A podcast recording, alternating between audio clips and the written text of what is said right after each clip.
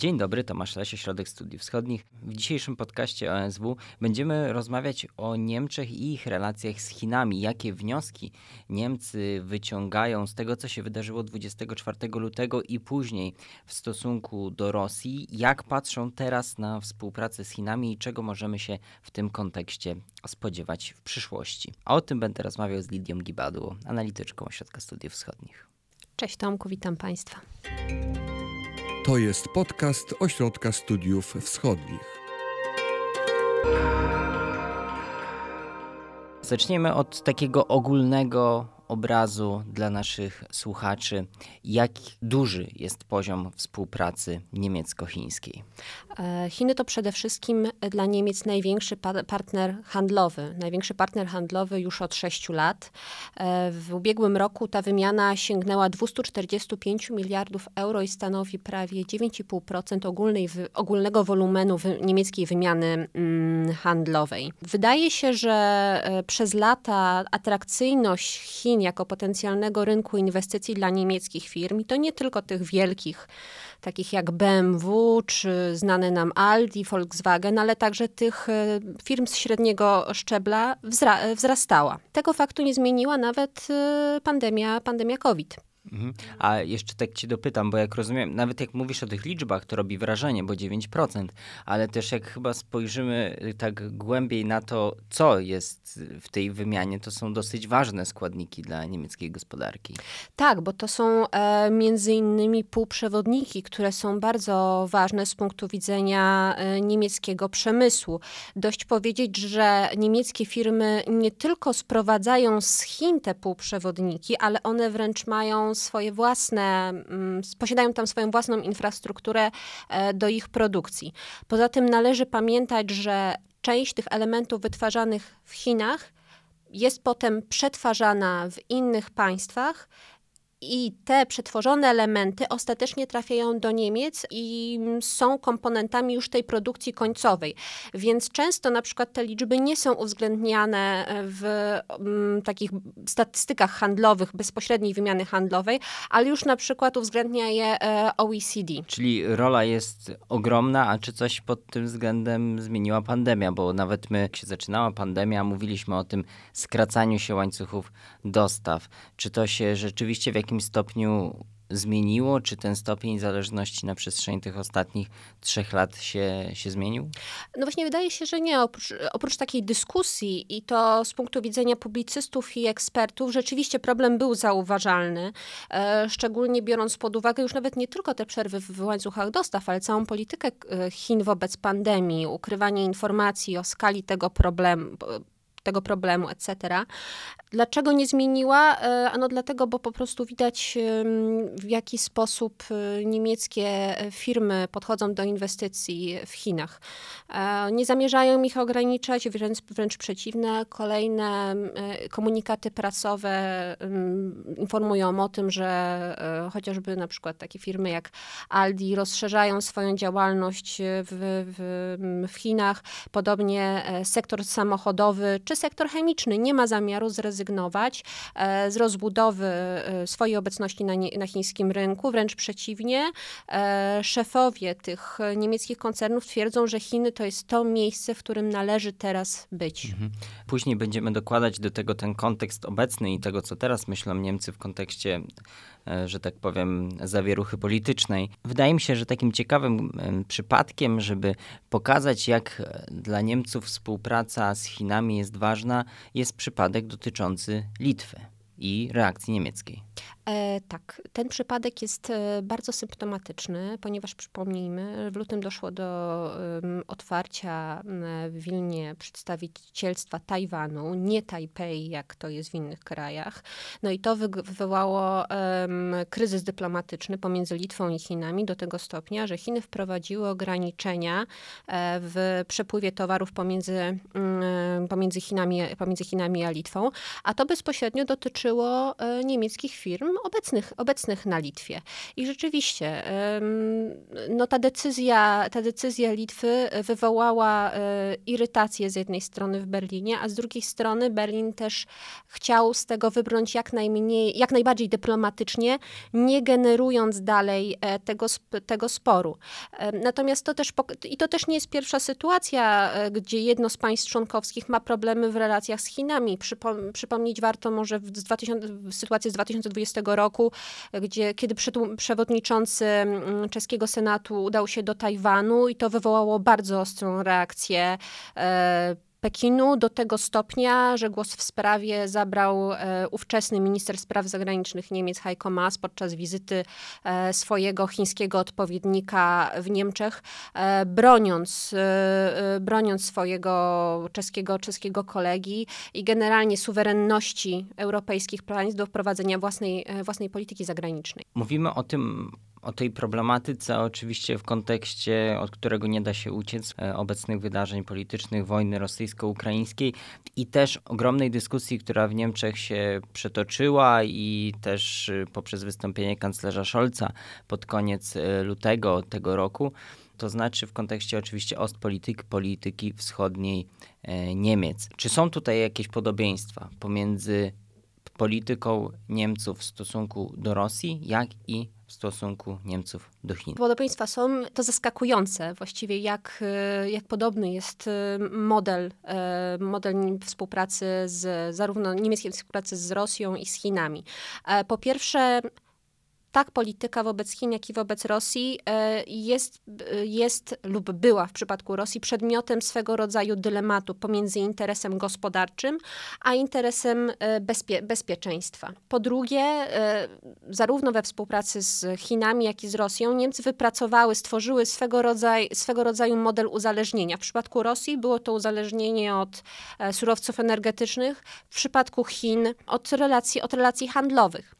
Co więcej, ta niemiecka polityka wobec Rosji i Chin e, generuje konflikty z sojusznikami, zarówno w ramach Unii Europejskiej, ale przede wszystkim, i to w, a szczególnie w przypadku Chin, e, ze Stanami, ze Stanami Zjednoczonymi. Ponadto te relacje bardzo burzyły obraz, który Niemcy jakby kultywowały przez lata, to znaczy promotora praw człowieka i demokracji. Bo jak pogodzić te kolejne inwestycje e, niemieckie w Chin, Chinach e, z tym, co chińskie władze robią wobec e, Ujgurów, wobec Hongkongu, czy z chińskimi groźbami wobec Tajwanu. I właśnie, czy ta współpraca z Chinami nie budziła jakichś większych kontrowersji? Bo wiemy, jak to było w przypadku współpracy niemiecko-rosyjskiej. Może to nie był, nie wiem czy dobrym słowem jest konsensus, ale jednak nie było to jakoś bardzo mocno podważane wewnątrz Niemiec. A czy ta współpraca niemiecko-chińska, czy ona spotykała się z jakimś sprzeciwem, sprzeciwem wewnątrz samych Niemiec? Ona była przedmiotem konsensusu. Dość powiedzieć, y, że właściwie, to znaczy sam temat nie jest nowy. Tak? To, że to, był przedmiot, to, że to był przedmiot konsensusu, to nie znaczy, że ta dyskusja o stosunku Niemiec wobec Chin nie żyła w opinii publicznej i w dyskusjach ekspertów. Moim zdaniem e, tak na, do, tak na dobrą, e, tak w, w takim dużym stopniu rozkręciła się w drugiej połowie lat 2010 i takim według mnie przełomowym momentem to był zakup e, firmy Kuka, to jest firma która wytwarza roboty przez, Chin, przez Chiny, niemiecka firma, no jedno z takich sreber, sreber rodowych. I wtedy Niemcy zdali sobie sprawę, że Chiny to już nie jest tylko to, ten kraj, w którym się inwestuje, to jest ten kraj, który przyjeżdża do Niemiec i po prostu przejmuje niemieckie firmy. E, I oczywiście w, w ramach tych dwóch, tych dwóch głównych partii, czyli Hadecji i socjaldemokracji, pojawiały się głosy dotyczące tego, że, te, że tę politykę należy zrewidować. Natomiast takim głównym e, źródłem oporu wobec prowadzonej do, dotychczas polityki wobec Chin, to jednak byli Zieloni i FDP, którzy w swoich programach wyborczych jasno stawiali, sprawy, jasno stawiali sprawy, określając Chiny po prostu jako e, zagrożenie dla Niemiec, nie tylko gospodarcze, ale z punktu widzenia bezpieczeństwa. Partie, które są teraz członkami koalicji Dokładnie, rządzącej. dokładnie. I to jest ten element, który, który, może, który może wpłynąć, przyspieszyć ewentualną zmianę. Czy był tu też ten element, który pojawiał się w przypadku Ostpolitik, to znaczy takiej nadziei Niemców na to, że zmienią tym przypadku akurat Rosję przez y, handel, przez zbliżenie, że Rosja się zmieni, zdemokratyzuje. Czy takie same nadzieje były w stosunku do Chin, czy to był tylko czysty biznes? Moim zdaniem takie nadzieje istniały, ale mniej więcej do 2010 roku. Takie przekonanie można było czytać w polityce SPD za Gerharda Schrödera, na przykład Niemcy popierały wejście mm, e, Chin do WTO, czy nawet zniesienie embarga e, nało e, nałożonego na eksport sprzętu wojskowego do Chin, po, nałożonego na Chiny po rozpędzeniu protestów na, na placu Tiananmen. Natomiast w momencie, kiedy mm, rządy w Berlinie przejęła Angela Merkel, widać było, co ciekawe, takie dosyć mocne postawienie na kwestie praw człowieka. Na przykład przykład do takiego poważniejszego kryzysu napięć dyplomatycznych pomiędzy Berlinem a Pekinem doszło w 2007 roku, kiedy Merkel przyjęł, e, przyjęła e, Dalaj Lamy. I to, spo, I to wywołało półtora roczną przerwę w dialogu e, niemiecko-chińskim. Natomiast kryzys finansowy z 2008 roku jakby zmienił tą optykę i zmienił priorytety. I myślę, że takim obrazkiem, który też nasi słuchacze mogą kojarzyć, kiedy myślą o niemiecko-chińskich kontaktach. To są y, niemieckie delegacje, które jeździły do Pekinu i to są delegacje składające się już nie tylko z polityków najwyższego szczebla, ale także przedstawicieli głównych koncernów handlowych. E, I ten dialog, i ten dialog rządowy chińsko-niemiecki był bardzo aktywny. On wręcz w pewnym momencie odbywał się rokrocznie. Mhm. A już przechodzimy do tego, co się dzieje teraz. To znaczy, e, tak jak mówiliśmy wcześniej, w wyniku tego, co się wydarzyło na Ukrainie, zmieniła się polityka Niemiec. Wydaje się, że Niemcy trochę się otrząsnęli, jeśli chodzi o, o podejście do Rosji i, i, tą wiarę w chociażby zmianę e, tego kraju przez, przez handel. Chyba Niemcy zobaczyli, że Rosjanie także wykorzystają, wykorzystują współpracę, w tym przypadku głównie energetyczną, do swoich celów politycznych. Czy takie podobne refleksje widzimy w podejściu do Chin, czy także e, Niemcy widzą, że Chiny mogą w razie problemów, które mogą się wydarzyć, chociażby w, jeśli chodzi o Tajwan, czy widzą takie zagrożenie, że sytuacja może się w pewnym sensie powtórzyć? E, no tak, sama e, wizyta e, przewodniczącej Izby Reprezentantów Nancy Pelosi wywołała wiele dyskusji w Niemczech o tym, co by było, gdyby Chiny jednak zdecydowały zaatakować się Tajwan. Sama minister Baerbock była pytana o to wielokrotnie, czy Niemcy dysponują scenariuszami na wypadek tego ataku ta dyskusja o zmniejszeniu zależności od Chin trwa tak od 2000, tak 2000, tak jak powiedziałam, od, tych, od tych pierwszej, od tej drugiej połowy, od tej drugiej dekady lat 2010, jednak takie konkretniejsze kroki mogliśmy zaobserwować na przykład w 2019 roku, kiedy Niemcy poparły tą dyrektywę unijną o kontroli bezpośrednich inwestycji zagranicznych, czy w opublikowanej w 2020 roku koncepcji strategii Niemiec wobec Indo-Pacyfiku. I tam na, na przykład pada, e, ta cała koncepcja jest bardzo ciekawie skonstruowana, bo ona też trochę przypomina e, próby rewizji Ostpolitik e, dokonywane podczas ostatniej kadencji Merkel. Tam była taka próba wprowadzenia nowej, nowej europejskiej Ostpolitik, w której e, większą rolę Niemcy chciały nadać na przykład państwom Europy Środkowej i, i Wschodniej. I w tej koncepcji wobec Indo-Pacyfiku Niemcy chcą zrobić to samo wobec wobec, wobec państw regionu z wyłączeniem Chin.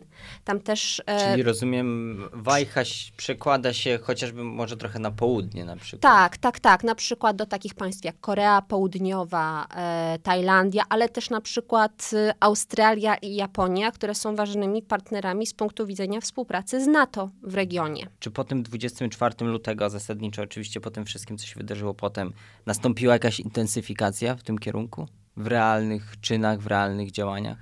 To znaczy na pewno retoryka z punktu widzenia na przykład MSZ-u jest o wiele bardziej ostrzejsza niż to było wcześniej. Takim ciekawym moim zdaniem przejawem tego, że e, w rządzie istnieje ośrodek, który jest gotowy do e, zaostrzenia tej polityki, wprost artykułuje swoje cele, no to są wypowiedzi właśnie Berbok, która mówi wprost, która będąc w Japonii, mówi wprost o zagrożeniu ze strony Chin i o tym, że należy przeciwdziałać hegemonicznym zapędom Pekinu. Co więcej, podczas swojej pierwszej azjatyckiej wizyty nie odwiedza Chin, co moim zdaniem jest też bardzo wymowne, a z kolei będąc ostatnio w Stanach Zjednoczonych, mówi o tym, że jednym z takich głównych filarów nowej współpracy transatlantyckiej pomiędzy Stanami Zjednoczonymi a Niemcami powinna być skoordynowana polityka wobec Chin. To znaczy, to że Niemcy, to znaczy, że Niemcy robią coś, a właściwie ta, może, może dochodzą do takiego punktu, którego unikały przez lata. To znaczy opowiedzenia się konkretnie po jednej ze stron, tak żeby uniknąć tej zero-jedynkowej gry. Bo niemiecki, niemieckie władze nie pozostawiały wątpliwości co do tego, że, pod, że tym najważniejszym sojusznikiem e, są Stany Zjednoczone, ale drugim niedopowiedzianym komponentem wypowiedzi było to, że najważniejszym partnerem handlowym są z kolei Chiny. I tak jak mówiłam wcześniej, przez lata ten dylemat wciąż trwa on się jakby kierunkuje teraz bardziej w stronę, e, w stronę jednak Stanów Zjednoczonych e, i większej gotowości przynajmniej niemieckiej klasy politycznej do poświęcenia tych interesów gospodarczych, oczywiście za cenę, za cenę bezpieczeństwa. Natomiast e, to będzie też długa, to będzie też, to będzie też długi proces nie oczekiwałabym szybkich, gwałtownych zmian. Tak polityka, tak, tak nie działa niemiecka polityka. To, co obserwowaliśmy 24, e, to, co obserwowaliśmy 27 lutego podczas przemówienia Scholza, no było wymuszone tym atakiem e, na Ukrainę. Jednak w tym przypadku, o ile nie dojdzie do jakiegoś, do takiego wydarzenia, Inwazji na, Tajwan, na przykład, to ta zmiana, to, y, to, ta inwazja, to ta inwazja rosyjska może być czynnikiem, który przyspieszy, przy, przyspieszy tą zmianę, ale nie spowoduje jakiegoś rewolucji. jakiejś rewolucji. Mówiłaś tutaj o y, pani minister Berbok y, i o całej, jak rozumiem, całym środowisku zielonych. Jeśli chodzi o nich, y, mogliśmy się w pewnym sensie trochę spodziewać po nich takiego, takiej postawy, bo już wcześniej sama Berbok też akcentowała trochę bardziej te te, te kwestie związane z prawami człowieka, ale co z innymi partiami, zwłaszcza partią kanclerską, że tak powiem, czyli SPD. Tam również, tam również istnieją politycy, funkcjonują politycy, którzy dostrzegają to zagrożenie y, w, z, ze strony Chin. Podobnie jest, podobnie jest ze strony Hadecji. Teraz generalnie jest taki właśnie trend w Niemczech wśród tych partii politycznych, że wszyscy przyznają, że te, te Chiny coraz bardziej z z partnera stają się, e, stają, stają się rywalem. Natomiast właśnie u Zielonych, e, może też dlatego, że oni, od, że oni od początku tak mocno artykułowali te kwestie, to środowisko jest utożsamiane jako ci główni zwolennicy zaostrzania polityki. Ale ciekawym case'em pokazującym jakby całą panoramę tego, kto jest za, a kto przeciw zaostrzaniu polityki, to był case sieci 5G e, i uwzględnienia i dopuszczenia Huawei e, i ZT do rozbudowy tego projektu w Niemczech. Cała sprawa była bardzo kontrowersyjna, otarła się o zawieszenie współpracy wywiadowczej ze Stanami Zjednoczonymi, które ostrzegały mocno Niemcy, że nie należy tych firm dopuszczać, ponieważ one wykorzystują swoją infrastrukturę do prowadzenia działalności wywiadowczej na terenie krajów, w których są, obe, których są obecne. E, I wtedy na przykład widać było e, opór w e, części posłów w ramach ówcześnie rządzącej Hadecji. Również po stronie SPD pomysł krytykowali poszczególni, poszczególni posłowie, no i bardzo mocną właśnie krytykę ze strony, ze strony zielonych. Czy ten temat, o którym my mówimy, czy ten temat o relacji niemiecko-chińskich. Czy on jest żywym tematem w Niemczech? Jak rozumiem, był w momencie wizyty Nancy Pelosi na, na Tajwanie, ale czy, czy to jest coś, o czym Niemcy dyskutują i czy możemy się spodziewać w związku z tym jakichś konkretnych planów, jakichś, jakichś decyzji, jakichś działań? To znaczy, on jest e, oczywiście teraz na agendzie cały czas najbardziej żywym i eksploatowanym e, tematem jest kwestia wojny w Ukrainie i wszelkich wiążących się z tym konsekwencjami. Ale gdybym miała stworzyć jakąś kolejność, to Chiny są na pewno w top 3 tych tematów związanych z polityką, z polityką zagraniczną, które najbardziej ożywiają niemiecką debatę publiczną. Wydaje się, przynajmniej tak wynika z deklaracji polityków, że te debaty mogą się y, przerodzić, skonkretyzować y, w dokumenty. I y, Ministerstwo Spraw Zagranicznych planuje wydanie takiego dokumentu y, poświęconego właśnie strategii wobec Chin. Y, I co ciekawe, publikację takiego raportu planuje również Ministerstwo Gospodarki. Na pewno, jeżeli będą się ukazywać jakiekolwiek dokumenty, czy będą jakieś ważne e, wydarzenia związane z tą współpracą, współpracą niemiecko-chińską, to będziemy na ten temat mówić w podcastach, naszych filmach, ale też na osw.waw.pl. Dziękuję. Dziękuję. I do usłyszenia w kolejnych odcinkach. Wysłuchali Państwo podcastu Ośrodka Studiów Wschodnich. Więcej nagrań można znaleźć na stronie www.osw.waw.pl.